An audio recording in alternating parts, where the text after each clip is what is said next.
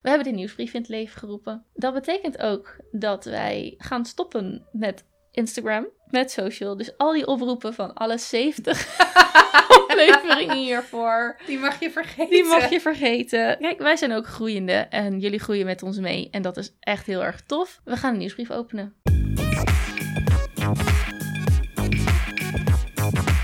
Welkom, leuk dat jullie weer luisteren naar aflevering 71 van Dit is 30.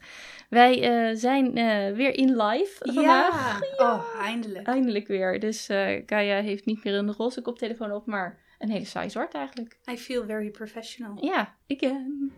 Ehm, wij zitten bij eh, jou thuis. Ja, het is vaker gezegd, mijn huis heeft weinig deuren. Ja, er is, nu- er is nu één deur. Die, we zitten in de kamer met de, de deur. Met een deur, Met ja. een deur. Toch horen wij eh, zelf al allerlei bijgeluiden, dus gezellig. Hè? Ja, ja. ja. Dit is ook 30. Dit is zeker 30. Dit is 30 zeg maar in de notendop. Ja, blijkbaar.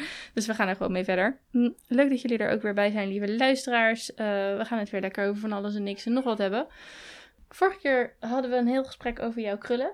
Zeker. Nou, er werd voor een, een voor- en na-foto gevraagd. Ja, nou dat kan ik wel regelen. Dat gaan we regelen, want ik, ik, zie je nu, ik zie ze nu in real life en ze zijn er nog steeds strong. En eh wil je nog een kleine update geven over hoe het nu gaat? Ja, nee, op zich prima. Ik merk wel dat het, eh, het is wel echt ehm, gedoe. Of tenminste, dat klinkt dan wat lullig. Maar het is, het is, it takes a lot of work, zeg ja, maar, het krullen. is je, je wash day. Ja. day, ja.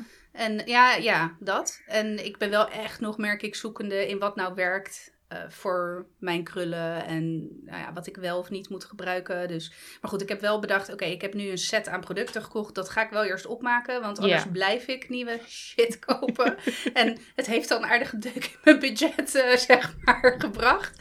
Eh, dus, dus dat. En, en maar goed, dan laat ik één product weg. Of ik doe er toch nog wat bij. Of nou ja.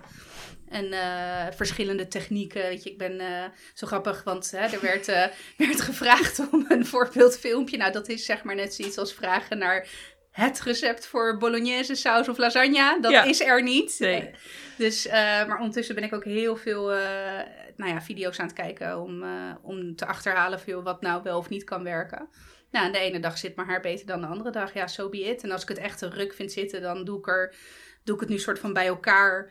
En dan zit het alsnog eigenlijk wel leuk, zeg maar. Ja, maar dat Dus, is- ja. Dat vind ik altijd zo fascinerend met krullen. Want je kunt er gewoon ook. Ik kan me. Ik, ik, eh, eerlijk eerlijk, ik benijd niemand met krullen. nee, natuurlijk ja. heb ik wel mijn periode gehad waarin ik wel. Ik heb namelijk ook een permanent gehad. Heb jij een permanent gehad? Echt? Ja. Serieus? Zeker, ja. Oh, foto's? Eh, ja, die zijn er. Oeh. In, eh, in eh, meerdere, in overmatige hoeveelheden. Want het was namelijk tijdens mijn afstuderen. Dus met de diploma-uitreiking. Want uiteraard ben ik met glans afgestudeerd. Nee, ja, weet ik veel. Ik heb gewoon mijn diploma van de HBO gehaald. Cum laude. Nou, zeker niet. Oh. Maar, you would say, maar nee. Nee joh, ik snapte er allemaal geen zak van hoe het nou echt... dat is het punt van dat in de praktijk brengen. Ja. I didn't know shit, weet je wel. Ik was mijn project aan het doen, maar geen idee. Oké, ik laat ik eerst even het ene verhaal afmaken. Dus eh, mijn, op mijn diploma het was daar ten tijde van... eh, eh, nou, het was al dan zomer 2006 geweest zijn. Dus daar zijn wel wat foto's van. Dus die ga ik zeker opzoeken. Ehm, ja, HBO. Ik zat, ik heb echt alles netjes zeg maar gedaan. Dus vijf jaar HAVO en toen vier jaar HBO. Nou, toen was ik dus net 21 toen ik klaar was, want ik ben van april. Eh, ja, little did I know. Ik wist, eh, ja, je doet dan zo'n project. ehm, ik weet nog zo goed, we hadden een project Mind the Gaps. En dan moest je geloof ik, eh, was dat over imago en identiteit? Dat denk ik. Dus wat is nou je identiteit? En wat is je imago? En wat is het gat daartussen? Zoiets. En pas als je gaat werken, dan snap je daadwerkelijk waar dat over gaat in een bedrijfsomgeving of in een organisatieomgeving.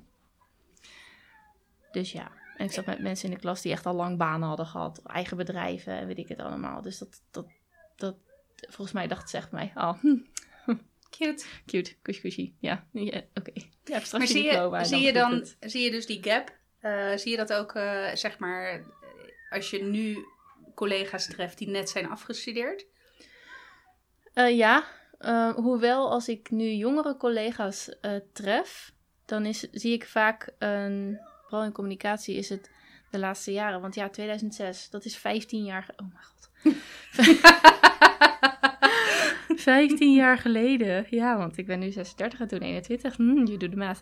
Ehm, ja, in die tussentijd, in de, de vijf jaar daarna was er al zo, is het met social media. Ik heb nauwelijks of geen, ik denk dat ik geen les heb gehad in social media. Dus, eh, Nee, maar goed, wat hadden we toen? Hives? Ja, Dat- Facebook ja, bestond volgens Ja, mij en, wel eh, al, maar ja, je had Hives en Facebook was dan in het buitenland. En volgens mij had ik een Facebook-account om in contact te blijven met mijn nichtje, die toen de tijd nog in Japan woonde. ja. Ehm, en er was eh, Sweet Lake Nation. Oh god. Was, nee, ik ken het niet. Nee. Nee, ik Nou- heb wel ooit een CU2-pagina Ja, gehad. oh, die heb ik ook nog gehad. Ja, See You Too. Maar eh, dat was... Maar goed, hoe social is het dat? Nee, niet. Dat is Mm, gewoon dat- een etalage Ja, van precies. dit ben ik. Dit is mijn... En ik denk dat je wel reacties kon geven of Dat antwoord of zo. ja. Maar dat is, liep natuurlijk heel anders. En Hives was echt al de profielpagina met krabbels. Ja, krabbels, Krabbels! ja. En het dansende banaantje. Ja, inderdaad. Eh, de dansende banaan. En ehm, je kon toch ook van die hele glitterende dingen, weet ik het, Oh, ik, op, ja. die, op die krabbels gooien. Ik had daar trouwens zelfs soort blogjes op. Dat waren dan grotere posts. Ik denk dat ik daar nog vier of vijf stukjes op heb. Een gedichtje of een verhaaltje of zo op heb geschreven. ja, weet je, je weet hoe ik ben met social media. Ja, dus je had het vast en dan ging je weer verder met je leven. Ja. ja. That pretty much sums it up. en ik vond het natuurlijk nog wel zo. Nee, je had toen Sweet Lake Nation. En Sweet Lake Nation was een soort Facebook voor zoetemeerders. En I loved, I loved, I loved Sweet Lake Nation. Ik weet niet wie erachter zat met SLN. SLN. Als ik nu bijvoorbeeld nog een kenteken met SLN zie, dan denk ik... hm, Sweet oh, Lake Nation. Sweet Lake Nation. En dan had je nog Party Peeps 2000. PP2K.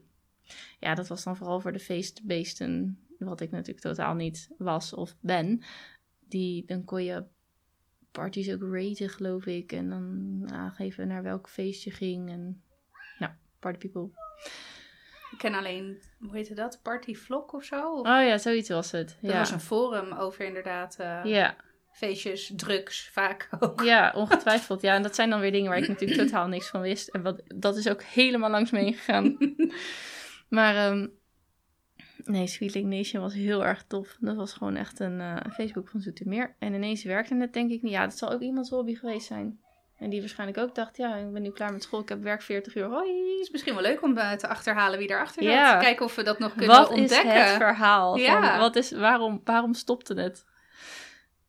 Anyhow. Eh, nu merk ik dus vooral dat de, de, de kennis van iedereen die nu afstudeert aan een communicatieachtige opleiding, die is qua kanalen zoveel anders. Ja. En qua de inzet. En ze leren natuurlijk ongetwijfeld meer over influencer marketing. En ik heb echt nog. De, de, de basismarketingprincipes zullen ook nog wel geleerd worden. Maar bij mij was het vooral. Nee, ik heb nog gewoon de vier P's geleerd, wat toen de zes P's waren. En ik denk dat die nog steeds wel applyen. En op een gegeven moment was er dan eh, iets over de C's. Dus in plaats van de, de P's gaan over product, prijs, plaats, promotie. En dan ook nog personeel en. P. P. Geen idee. Eh, maar dat is zeg maar vanuit het product gedacht. En vanuit het bedrijf gedacht. En dan werden de vier C's. En dat is dan vanuit de Consument. consument gedacht. Dus het ja. gaat het niet over de prijs, maar om de kosten. Voor Ja. de, de kost voor de consument. En de Maar ik denk dat de maatschappij daarin ook heel erg veranderd is. Ik denk dat je het tegenwoordig, tenminste dat zie ik heel erg terug in mijn eigen werk, het gaat veel meer om experience. De customer experience, weet Ja. je wel? Het, het, de hele journey, weet je? De, de, de hele cyclus is als geheel, be- voor mijn gevoel, belangrijker geworden. Ja, nou, dat is ook wel zo. Want je kunt wel roepen. Voorbeeld. Er, was, ehm, er, is- er staat, of stond of staat een vacature open bij ons lokale ziekenhuis. Nu is, zijn de meningen over ons lokale ziekenhuis nogal verdeeld. In die zin, ik heb er dus mijn gynaecologie en mijn, bevalling gehad, mijn tweede bevalling gehad. Super. Echt geen enkele. eh, maar ik hoor ook andere verhalen. Dus Van dezelfde, over dezelfde afdeling, overigens. Oké, oké. ja, Ja. ik ken ze dus alleen van andere afdelingen. Dus, nou, maar echt gewoon dingen dat je denkt, ja, dit is gewoon niet echt oké.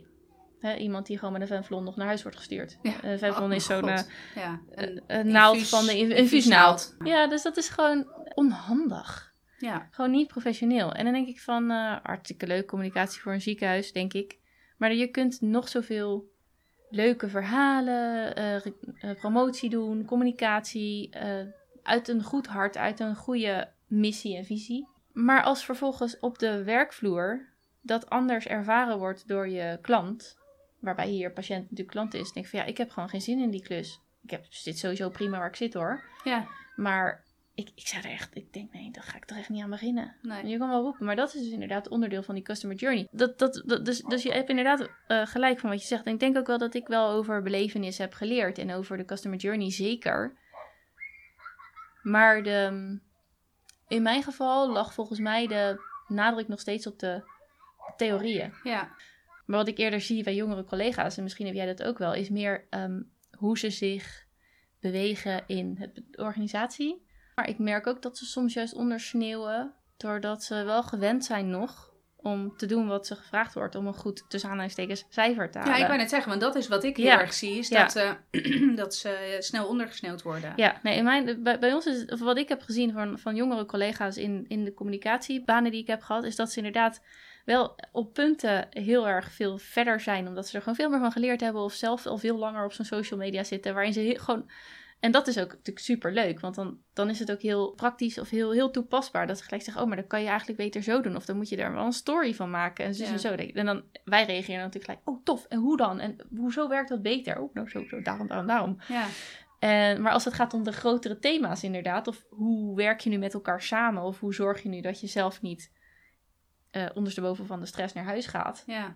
dat zie ik ze wel echt mee struggelen. Maar hoe was dat bij jou dan toen je van school kwam? Nou, hetzelfde wel hoor. Ja, Want ik, ik eh, heb echt pas een paar jaar geleden voor mezelf leren opkomen. En nu ik bij deze baan zit, voel ik pas de ruimte om echt ehm, eh, fouten te durven maken. Dus de ruimte te nemen om te ontwikkelen. ja, Omdat er letterlijk tegen mij gezegd is: Nou, leuk idee. En dan, oké, eh, oké, ja, maar als het niet werkt, dan doen we het volgende keer anders.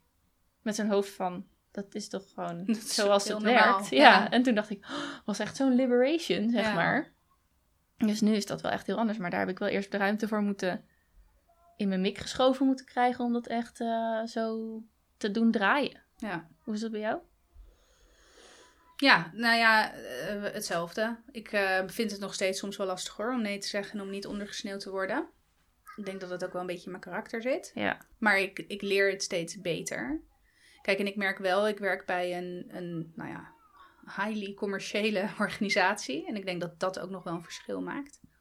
We zijn heel erg target gestuurd. Ik Ja. moet zeggen, in mijn tak van, van uitzendbranche wel wat minder dan als je echt kijkt naar de saleskant. Eh, maar goed, er, daar zit wel gewoon een be- bepaalde druk achter qua, qua prestatie. En ehm, wat ik vooral merk, is dat ik er voor mezelf steeds minder waarde aan begin te hechten. Waar ik, waar ik het verschil was, hè, vroeger ging ik echt 100% voor alle KPI's, weet je wel. Ik moest altijd eh top scoren. Ja, en nu denk ik, heb ik veel sneller zoiets veel. Prima, heb ik alles aan gedaan? Ja, oké. Kan ik mezelf in de spiegel aankijken? Ja, oké. prima, dan laat ik het los. En dan laat ik het ook echt los.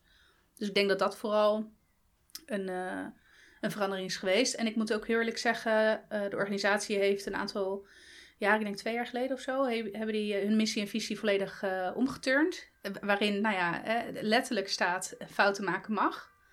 Ja, En dat is wel, dat, dat, ehm, überhaupt, en werkplezier op één, hè. Dat, dat is, eh, en dat moet ik ook wel zeggen, dat, dat zijpelt in alles door. Dus die, het, als je het hebt over het communicatieplan, dat zit wel heel goed in elkaar. Ja, maar dat is dan ook wel heel goed gedaan. En met Ja. het draagvlak vanuit allerlei lagen. En Zeker. voornamelijk hogere lagen vanuit de organisatie. Ja, en dat is ook echt zo. Ik bedoel, ja, ik kan niet anders zeggen. En op het moment, hè, we hebben iedere maand ook, eh, weet je, allerlei eh, enquêtes. Nou, allerlei enquêtes, één enquête. 30 stellingen waar je dan een cijfer aan moet geven. En waar ik voorheen altijd zoiets had van, oh, jezus, gaan we weer, weet je wel. Nou, het kost me letterlijk drie minuten hoor, daar niet van. Maar ik merk ook echt dat er wat met de input wordt gedaan. Ja, dat is Dus- belangrijk. Snap je? Dus dan, dan ben je ook veel sneller geneigd om, om zoiets, behalve alleen maar door te klikken, ook echt daadwerkelijk wat, wat input eh Ja, te en er echt geven. iets van te vinden. Ja, precies. van, ja, ik denk dit en ik denk dat. Ja, en eh, daarnaast is er ook een hele community gestart over, eh, waarin we ook echt op beleidsniveau eh, als organisatie, of tenminste sommige ehm, mensen uit de organisatie dan mogen meepraten over bepaalde ehm, nou ja, beleidsmatige zaken. Zo, en het meest recente wat daaruit is gekomen is een thuiswerkbudget, een flink thuiswerkbudget voor een goede eh, werkplaats of een goede arbeidsplaats, Oh, ja, zeg maar, arbo-technisch. eh, aan de ene kant denk ik, ja, we zijn inmiddels al bijna anderhalf jaar thuis aan het Ja. werken. Of nou ja, ander, eh, dik een jaar. Maar ja, aan de andere kant, als ik dan het vergelijk met de organisatie waar mijn vriend voor werkt, dan denk ik, nou, dat is dan uiteindelijk toch allemaal best snel gegaan. Zeker als je het hebt, kijk, we maken onderdeel natuurlijk uit van de Randstadgroep. Ja, dat is, een van, dat is de grootste uitzendorganisatie Ja. ter wereld. Ja. Dus ja, nee, ik, ik moet eerlijk zeggen dat dat, dat wel, wel goed zit. En als je dan ook inderdaad hem terugpakt naar, naar jonge collega's en überhaupt hè, hoe we... Want ook, heel eerlijk, ook als medewerker hè, heb je te maken met een customer journey. Of een, Ja, een- ja, weet ja. je, heel eerlijk. En zeker mijn werk, omdat ja, de, de medewerkers, de uitzendkrachten zijn natuurlijk ons kapitaal. Ja. Dus, eh, dus wij zitten daar heel erg op. En, en je merkt echt wel dat, dat sinds we die omslag hebben gemaakt, hebben we ook. ehm, ja, eh, is het werk ook gewoon veel leuker geworden. Eh. En eh, het doet ook echt wat met je motivatie om. Maar dat is toch grappig, want in principe is de inhoud van je werk niet veranderd. De ja, nou ja, goed, maar misschien dat had misschien anders ook wel gebeurd. Ja, ja, Maar nee, ja. tuurlijk. Weet je, kijk, dat is ook een beetje inherent aan onze branche. Ik bedoel, als er één Ja. branche aan verandering onderhevig is, dan is het wel de Ja, uitzendbranche. bij jullie is alles voor het eerst voelbaar. Ja, dus, Ja. maar inderdaad, in de basis is onze dienstverlening niet heel Nee, erg niet veranderd. veranderd. Misschien zijn de targets ook niet veranderd. Nee, niet echt, nee. Nee. En toch zit je echt heel anders. eh, In de wedstrijd. Ja. ja nou, En- en dat, de manier waarop je het werk aanvliegt. En de Ja. manier waarop je ook de vrijheid ge- wordt gegeven om je werk te doen. Maar merk je ook dat jonge collega's, jongere collega's, dat die, dat die toch in een soort van schoolse mindset binnenkomen? Want dat is, het, dat is natuurlijk met school. Je volgt een boekje op of je volgt een instructie op en daar krijg je vervolgens een cijfer voor. Of het goed is of niet. Ik denk dat ik daar, Ja. dat ik daar heel nou, last. Dat, dat dat bij mij eh, te lang is blijven eh, hangen, die mindset van, oh, vertel maar maar wat ik moet doen, dan doe ik dat. Ja, Eh, zodat ik dus een goede, goede beoordeling haal. En het, het zelf iets verzinnen of het zelf met iets komen of, of het ook denken van... hé, hey, ik, ik snap dit niet zo goed. Ik moet dit, ik moet dit nog leren, dus help me of bedoel je dit? Of weet je wel, het moest gelijk goed zijn of zo. Dat had ik in het begin heel erg... Ja. Dat ik ook echt wel... eh, maar durfde ik- je dan ook niet om hulp te vragen? dat vond ik, ik vond, maar dat heeft dan misschien weer te maken met mijn fixed and growth mindset. Dat was echt die fixed mindset. Het moest gelijk goed zijn, want dat dan iemand zou, halver, mijn, halve product zou kunnen zeggen dat het niet goed was, dan wist dan dacht dan dat. Het was niet dat ik dan letterlijk dacht, als iemand zegt dat het niet goed is, dan weet ik het gewoon niet meer. Maar het gevoel wat, wat ik dan heb, nou, ik kan het zo weer oproepen dat dat zeg maar een soort knoop in je maag geeft. Dus dan maak je het helemaal af en dan hoop je dat het goed is. Maar als het dan fout is, ja, dan voel je je echt helemaal, helemaal ruk. Ja, en het kost je veel meer tijd. Op het moment dat je met een shitty first draft al... En weet je, en een halverwege, weet je, uiteindelijk is het eindproduct dan beter. Want het sluit meer aan bij de wens van de opdrachtgever, wie dat ja, dan ook of is. je collega, whatever. Ja, de, ja. opdrachtgever aan zich. Dus dat kan Ja. een klant zijn, maar ook je directeur of ja. whatever. Ehm, en anderzijds heb je er eh, ook veel minder tijd waarschijnlijk aan, ge- aan gespendeerd. Ja, je bent allebei veel blijer met het eindresultaat. Precies. Nou, en ik, dat, wat je schetst herken ik wel. Alleen denk ik dat dat eerder, wat ik zie is dat dat eerder te maken heeft inderdaad met een bepaalde mindset en een bepaalde, nou ja, eh, karakter, bepaalde karaktereigenschappen dan of iemand eh, net uit school komt. Of kijk, wat je wel ziet is dat eh, net uit school, ja, dan ken je jezelf. Weet je, dan ga je eigenlijk pas starten met jezelf leren kennen, ook binnen een corporate organisatie. En hoe, wat vind je prettig? Hoe, hoe profileer je jezelf of niet? Of nou ja, whatever, weet je wel. Maar eh, ik heb hele senior collega's die nog steeds heel erg fixed zijn. En waar ik echt moet leuren om, om nou ja, daar iets uit te krijgen voordat het een finished product is. En heel eerlijk, zelf ben ik ook zo. Ik, ik, dit, dat zit ook heel erg in mijn natuur. Kijk, en ik ben nu aan het proberen dat los te laten. Ja. Maar iedere keer als ik met een shitty first draft bij mijn directeur kom, dan uh, het, het, het zweet zit in mijn beelnaad dan hoor. Want ja, ja, maar aan de andere kant, weet je, het meest recente voorbeeld. Ik, ik zit in, in, in zo'n potential traject en dan heb je een business assignment. Nou, en dat had ik een soort opgeblazen in mijn hoofd als een soort van enorme Himalaya-berg waar ik niet overheen kwam. Nou, uiteindelijk toch schoorvoetend mijn directeur erbij geroepen. Hij is dus mijn opdrachtgever. Met uh, eigenlijk, ik, ik begon dat gesprek al van, joh, ik denk dat ik hem terug ga geven, want uh, I don't know, ik zie het niet meer. Terwijl wat hij bedoelde, veel kleiner en veel, weet je. Oh dat, ja. En dat ja. ik echt dacht, ja, als ik dit gewoon twee maanden geleden had gedaan, dan was mijn leven een stuk makkelijker geweest. Ja, Dus dat, dat zie ik wel, maar dat heeft, ik zie dat niet per se meer bij nieuwe jonge collega's ten opzichte van collega's of Ja. ikzelf met al wat meer senioriteit in een rol. ja. Dus ik denk dat dat meer te maken heeft met ja, de mindset inderdaad en voorkeurstijlen en nou ja, Ja. karakter. Maar misschien zie ik het ook omdat ik, het, omdat ik er zelf ook last van heb gehad. En vast nog wel last van heb. Dat ik denk, ik zie mijzelf gewoon eh, een paar jaar eerder. En het zou Ja. fijn zijn als jij dit nu, zeg maar, acht jaar eerder weet. Of, of, of door hebt dan dat ik het, Ja. dan dat ik het door heb. Dus dat. eh, maar ik vind het wel leuk. Ik zie mezelf niet als leidinggevende, zoals eerder ook al eh, genoemd in, eh, in de podcast over leidinggevende, over leiding geven.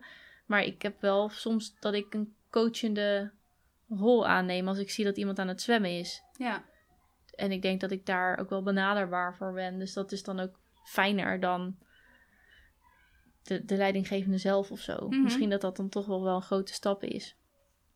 Maar goed, dit eh, stond ook lekker op ons lijstje. nee hè? Uiteindelijk zijn we, wat is het, 20 minuten of zo? Ja, Aan nou, het- 24 minuten onderweg. Aan het, Ja. eh aan het over, eh, over werk. Ja, Van, van communicatie naar customer journey naar werk. Ja. Nou, leuk. Ik ga iets nieuws introduceren. Dat doe ik ook voor jou Oeh, en voor onze luisteraars. Echt, het is echt even belangrijk nieuws.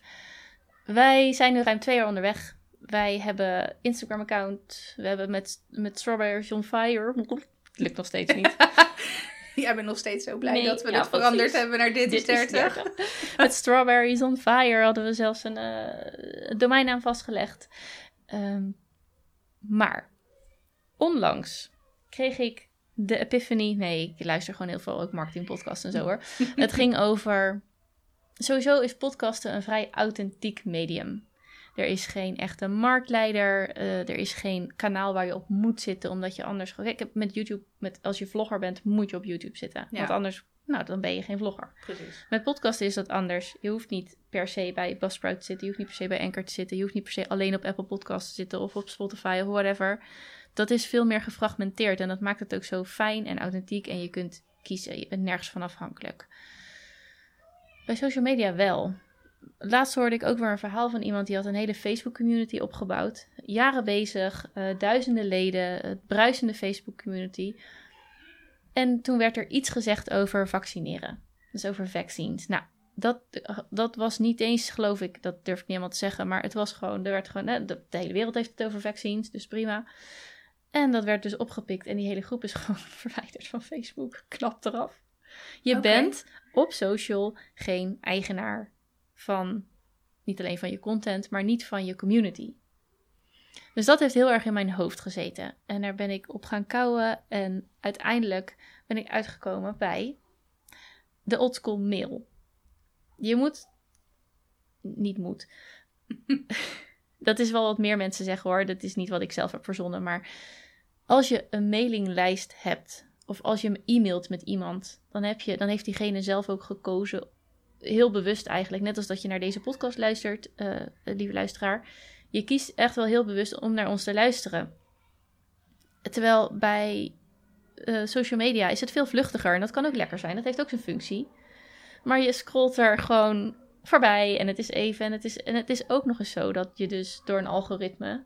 Ja, ook Eh, nog wordt beïnvloed. Tenminste, het algoritme bepaalt eigenlijk wat jij Wat wel of niet ziet. voor content eh, toe aangeboden krijgt. Ja, Ja, terwijl je kiest voor deze podcast. Je klikt op episode 71. En of je hem nou helemaal luistert of niet. Maar je, je hebt gewoon nog steeds. Je hebt geen algoritme. Het is niet dat je bij ons eh 71 ziet en 64 en de rest niet. Nee. Je ziet gewoon de hele lijst, vlot. En eh, degene, het is wel zo dat, geloof ik, als je ons voor het eerst zoekt, dan krijg je wel de eerste, de, de best beluisterde of zo naar boven.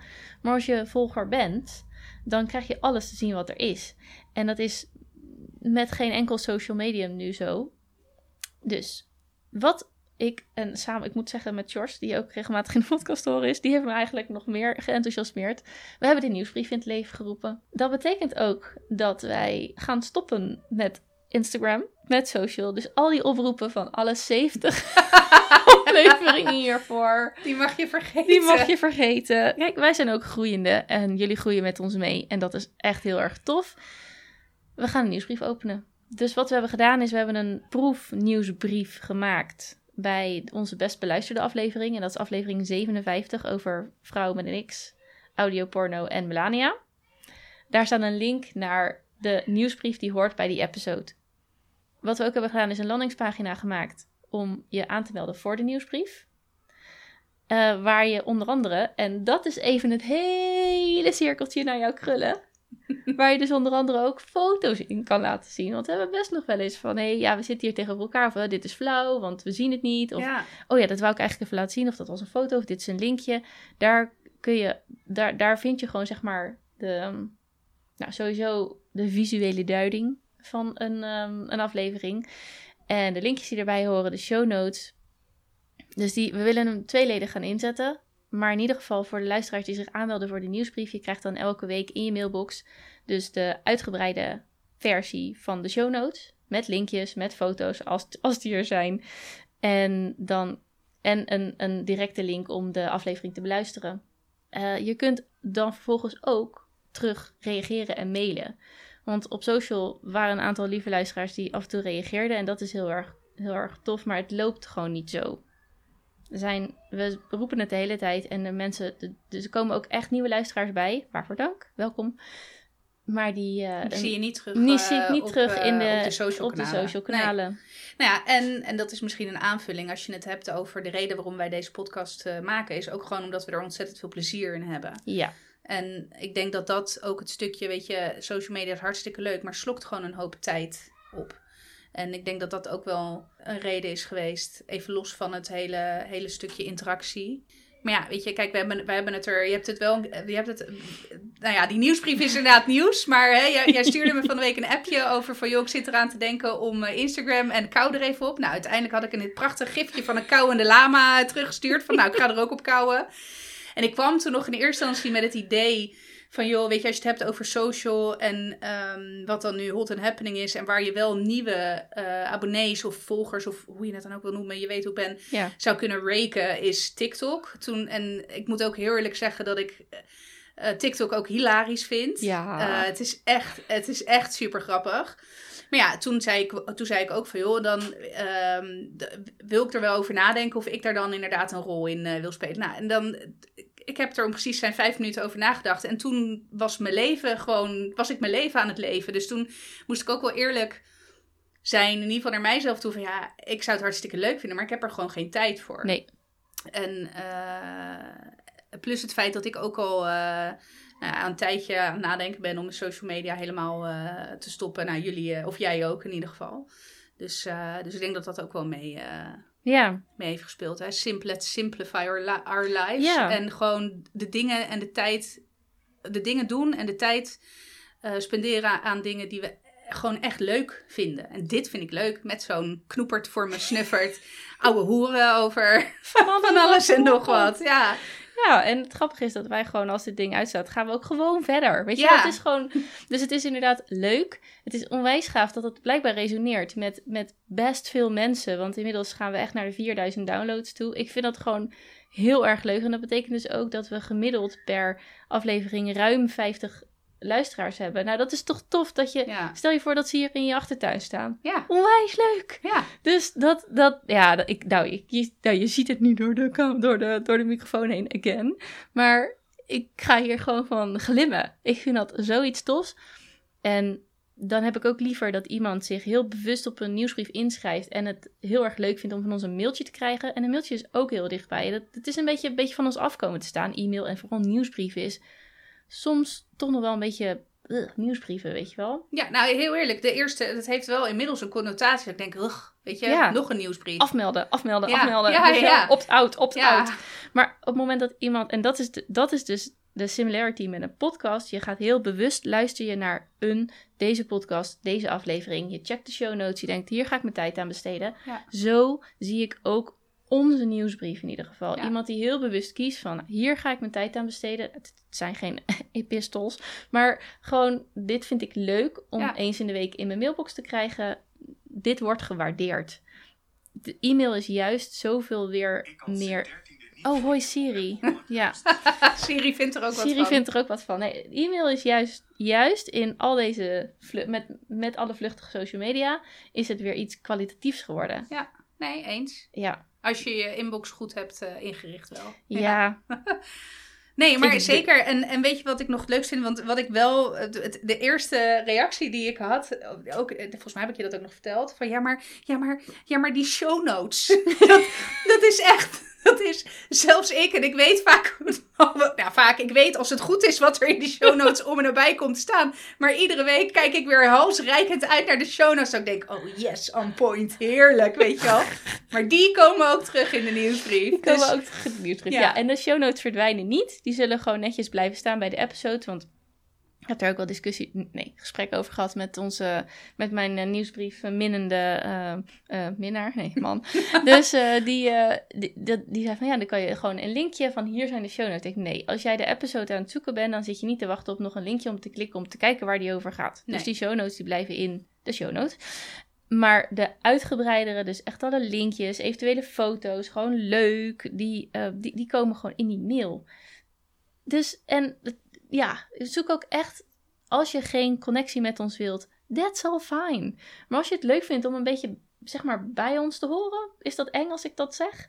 Maar als je bij de Dit is Dertigers eh, een beetje wil horen, omdat je gewoon ons, naar, naar ons vaak luistert, dan ja, nodig ik je van harte uit om op die nieuwsbrief eh, in te schrijven. Waarvan de link in de show notes staat. maar het is uit mijn hoofd ook dit is 30.mailchimpsites.com. Want ja, we zitten natuurlijk wel gratis bij Mailchimp, dat snap je wel. Zeker. Which works fine. Dus nou ja, op het moment dat we overgaan naar een betalende partij, dan weet je ook dat we gigantisch veel inschrijvingen hebben. Dus dat is dan ook wel weer zo. Maar dus ik nodig je van harte uit om je in te schrijven voor de nieuwsbrief. En dit avontuur ook weer met ons mee te beleven. Ja, Ja. ja tof toch? Mocht je een mailtje willen sturen, hebben we ook een mailadres inmiddels. Dat weet jij ook nog niet. Nee, enlight me. Dit is 30.gmail.com. Oh, verrassend. Dus dat, eh, ehm, da- da- daar kan je ons ook op bereiken. Dus wil je reageren, heb je een vraag, stuur gerust een mailtje. En eh, mel- meld je aan voor de nieuwsbrief. Als je dat leuk vindt. Als je het niet leuk vindt en je wil lekker parasociaal naar ons blijven luisteren. Parasociaal is hier een positief woord. Dan vind ik dat ook, vinden wij dat ook, helemaal prima. Goed. Over naar de orde van de dag. Oh, dat vind ik ook altijd zo mooi als er dan onder zo'n motie staat. Ja, Ja. tot de orde. Over en gaat ja. over tot de orde van de dag. Dat je echt denkt, huh? Waar komt dat vandaan? Ja, weet ik het. Ik, ik, geen idee. Ik vind sowieso dat hele fenomeen van moties en hoe dat dan wordt ingediend, vind ik echt een fascinerend proces. Ik snap echt, als je het hebt, ik snap waar de motie over gaat, maar dan leest, dat wordt ook altijd in, in een soort van, ik bedoel, ik kan snel praten, maar dat wordt in een soort van sneltreinvaart voorgelezen. Wij beschouwende hebbende dat, blablabla, denken dat, blablabla. en dan inderdaad over tot de orde van de dag. Ja. Al dus. Ja, want in aanmerking nemende dat Ja. is een een zijnde. Ja. Dus nee, geen idee. Maar eh, we Ja. hebben er nogal wat gehad Ja. afgelopen Nou, tijd. inderdaad. Maar eh, ja, nee. Maar ik vind het proces, überhaupt vind ik het politieke proces fascinerend. Maar dat eh, Ja. weten de, de vaste luisteraars. Maar ehm, eh, waar dat precies vandaan komt, geen idee. Goeie, ga ik, ga ik eens opzoeken. Ja, gaat over tot de orde van de dag. Alsof je dan denkt, oké, nou, maar laat maar zitten. Ja, ja. Zo, en we gaan weer door. En door. ja, precies. Ik heb hier een heel epistel geschreven, maar nee, hm, ja. You can uh, put it aside. Over politiek gesproken, ja. ga ik nog even mijn, eh, nou in mijn geval, mijn laatste onderwerpje erin gooien. Eh Corrie Tenderlo. Corrie Tenderlo is een Tweede Kamerlid in de jaren 50, 1945 tot 52 als goed is, want zij is uiteindelijk eh, overleden. Eh, is dus tot haar dood eigenlijk Kamerlid geweest. Die, dat is een, uiteraard een dame die heeft. Nou, zij heeft er dus voor gezorgd met onder andere moties. dat eh, het kiesrecht van Suriname, volgens of dat Surinamers ook kiesrecht hadden, want dat was toen nog Nederland, dus why not? Maar ook dat de handelingsonbekwaamheid van de gehuwde vrouw werd opgeheven. Nou, ik, ik wist niet dat een gehuwde vrouw ooit handelingsonbekwaam werd verklaard. Kan je het je voorstellen? Nee. Hoe fucking bizar is dat? Ja, nee, dat was. eh, en concreet, hè, handelingsonbekwaam, wat betekent dat dan? Ja, dat heeft een heleboel betekenissen. Maar het voorbeeld volgens mij, wat ik, wat ik. Wat vaak wordt gebruikt, is dat een vrouw ook geen publieke functie meer mocht vervullen nadat zij getrouwd was. Dus iemand die werkte, nou, bijvoorbeeld eh, als eh, nou, in de Tweede Kamer. Nou ja, goed, Ja, dat, dat was toen nog niet heel, maar in ieder geval in, een, in het ambtelijk apparaat. Hè? Ja, Dus die had een, een publieke functie, of in en binnen de en dan op het moment dat de, de, de vrouw ging trouwen, dan mocht zij, mocht zij wettelijk gezien, niet meer werken. Nee, als je binnen het ambtelijk, eh, ambtelijk stelsel werkte, dan werd je ontslagen. En dan, het publiek is dan inderdaad eh, in die zin relatief, want het publiek is zichtbaar, maar publiek Ja, nee, is het ook hoeft niet, maar... wherever in het ambtelijk gestel. Ja, ja, ja. Ja, ambtelijk stelsel, denk ik dat het heet. Dus, die, dus da- daar werd je zo en zo, sowieso ontslagen. En zij heeft ook daartegen heeft zij gezorgd dat dat niet meer zo was. Dus ik weet niet of je bij elke werkgever ontslagen werd. Ik denk het niet. Nee, dat denk maar ik ook niet. wel bij veel. Maar in ieder geval binnen de, eh, binnen, binnen, binnen de ambtenarij heeft zij er dus ook voor gezorgd dat dat niet meer zo was.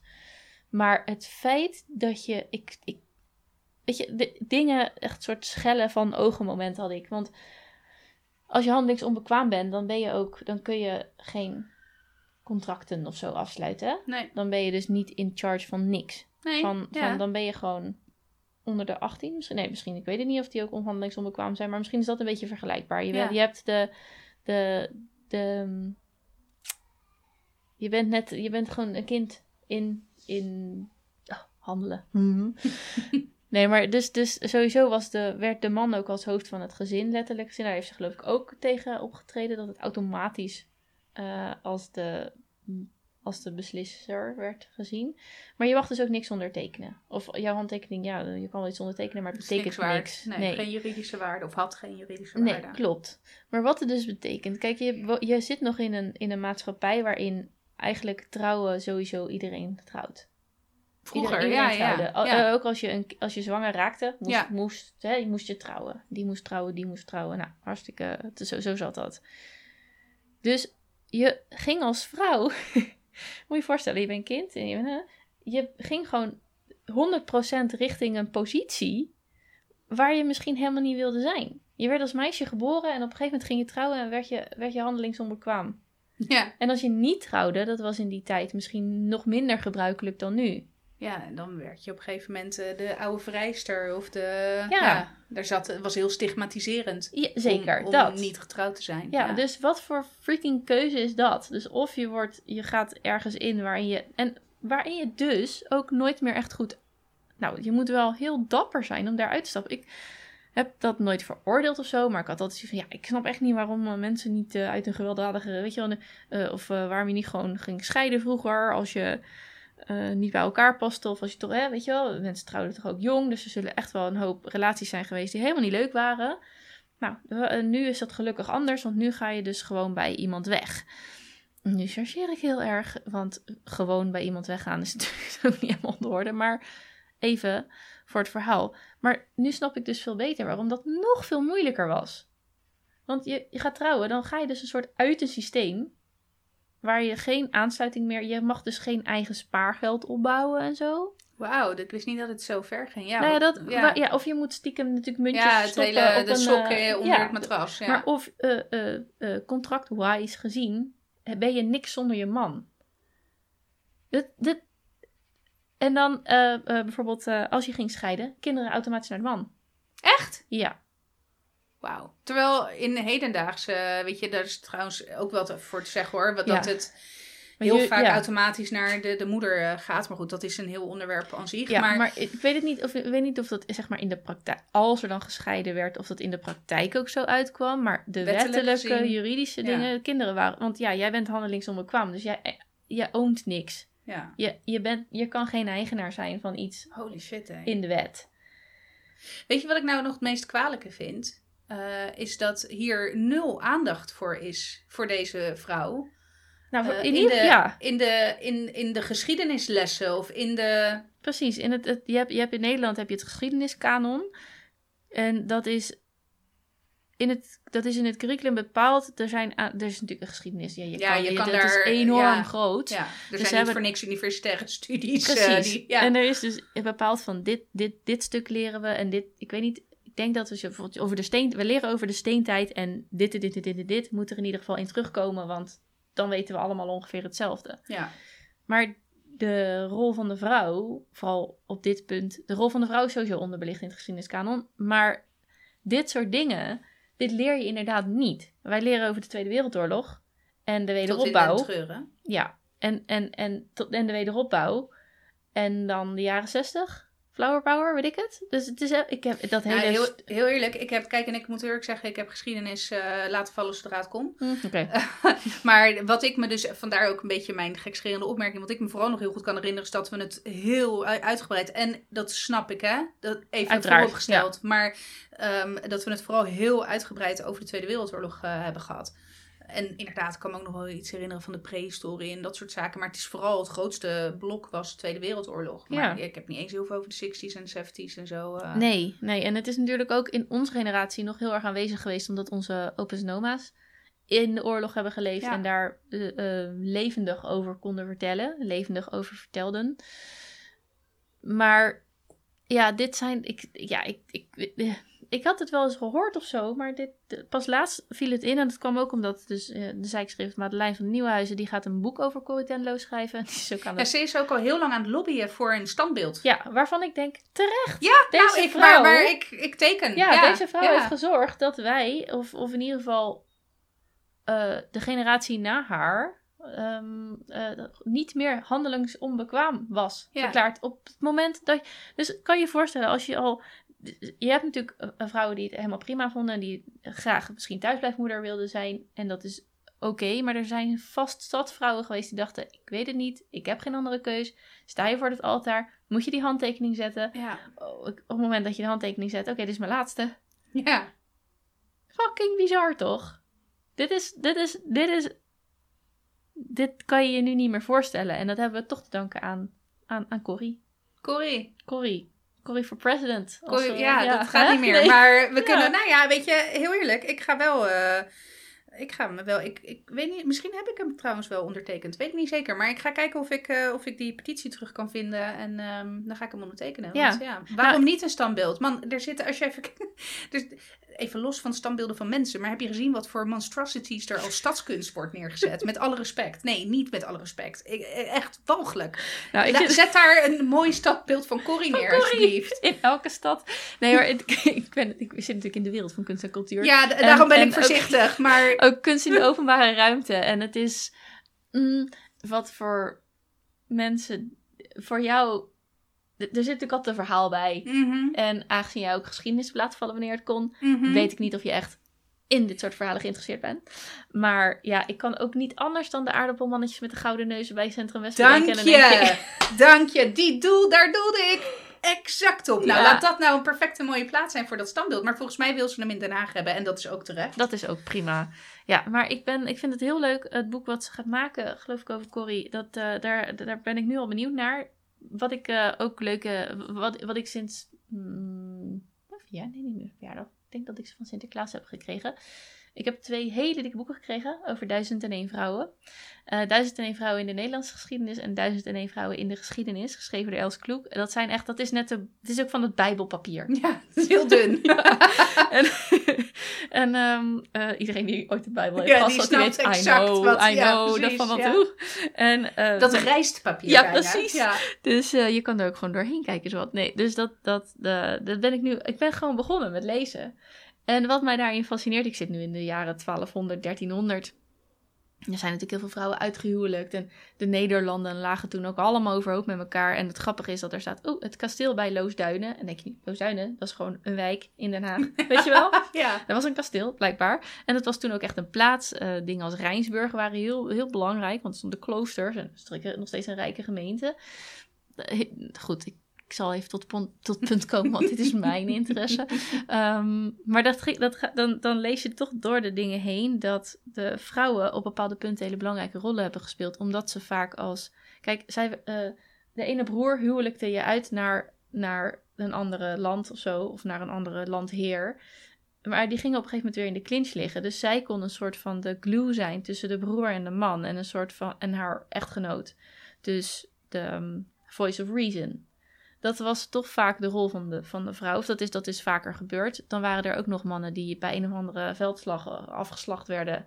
Dat was trouwens allemaal super jong, hè? En dat dus de eerstgeboren zoon van drieënhalf was dan ineens de, de, de koning De- of de landheer of, whatever, of de ja. weet ik veel wat.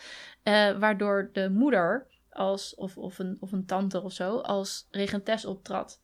Dus er zijn toch ook wel heel veel. En er was er altijd natuurlijk, want ja, vrouwen konden natuurlijk niks. Dus er was altijd wel weer een volwassen man, broer, weet ik veel, zwager, die dan de decreten echt uitvaardigde en zo. Maar die werden toch vaak ook mede ondertekend door de regentes en beïnvloed door.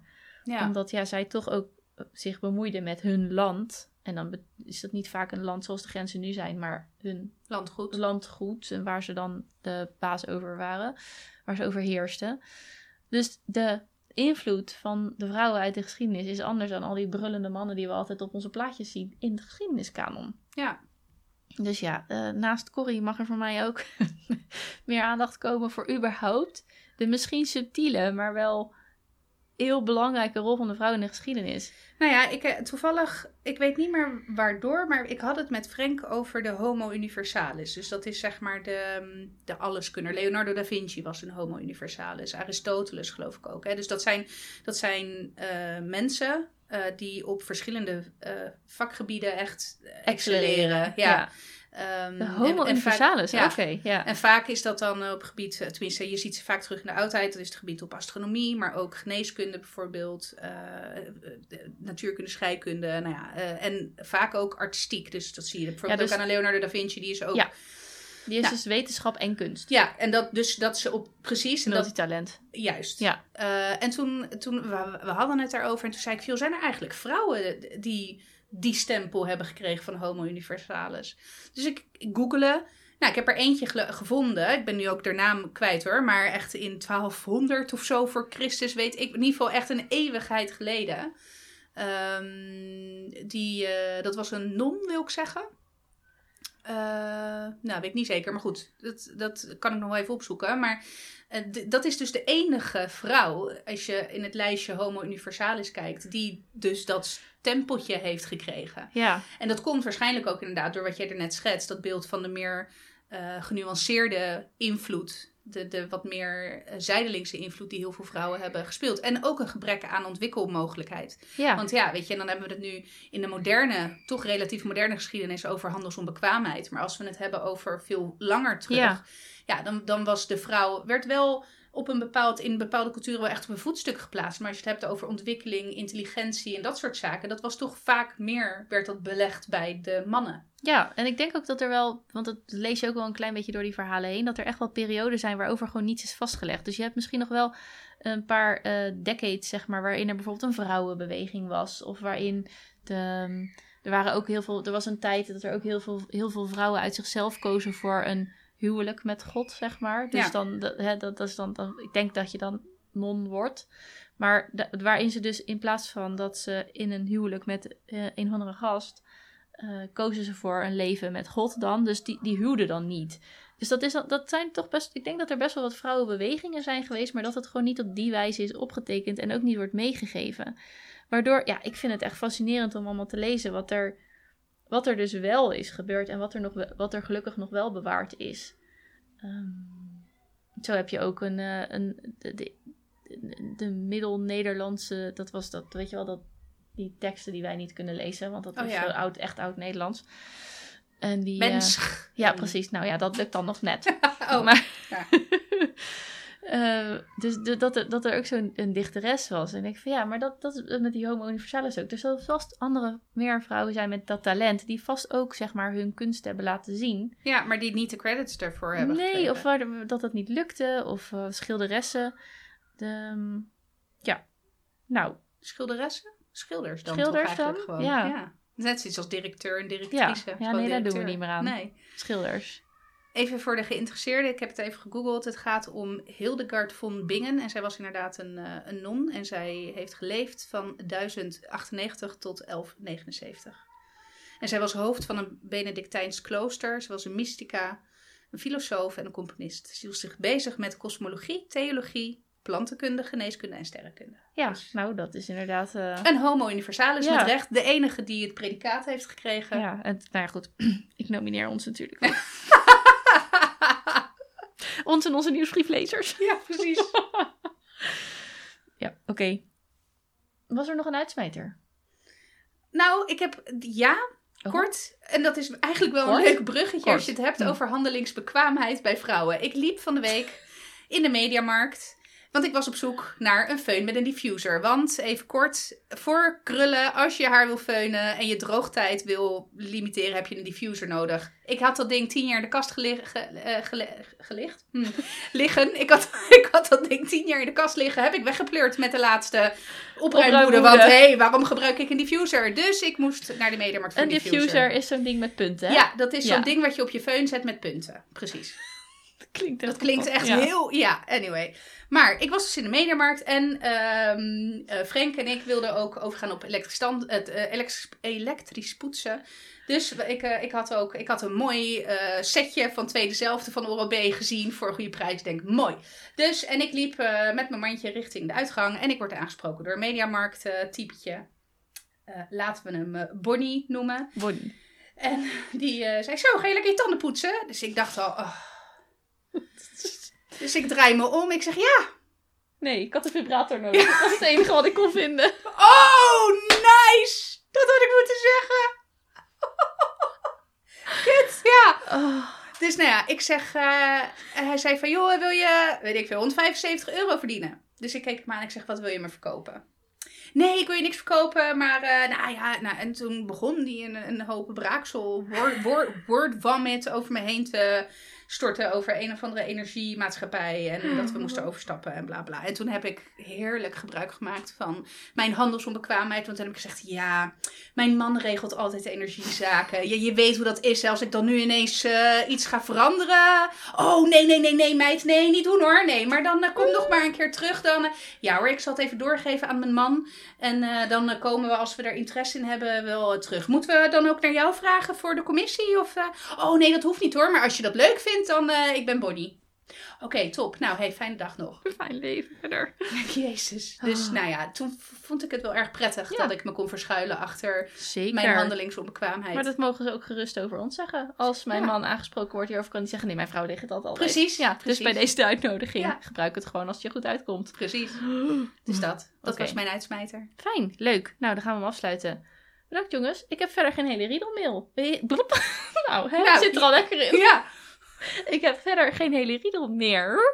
Kijk in de show notes. Schrijf je in voor de nieuwsbrief. En sluit je lekker aan bij ons. Eh, je kan altijd even mailen voor een gezellig berichtje. En dan eh, gaan we gewoon weer lekker verder met onze week. Een fijne week verder. Ik heb wel nog een toevoeging. Want mm, nee, we hebben geen social media meer. Maar vijf sterren in alle platforms. Ja. En een review. Help, Oh. Dat blijft ons wel helpen. Zeker. Dat het, dat het ooit van jou komt. Dat Nou, is toch, nou dit, dit- jongens, we zijn aan een kentering bezig in deze podcast. Het is niet te doen. Jazeker. Vijf sterren en follows zijn altijd, altijd fijn. En de reviews lezen we ook. Ja, Dus zeker. denk je, nou, mailen vind ik toch iets te dichtbij komen. Dan kan ik me iets bij voorstellen. Laat lekker een review achter. Heel goed. Oké, hele fijne week. Doei doeg! Doei.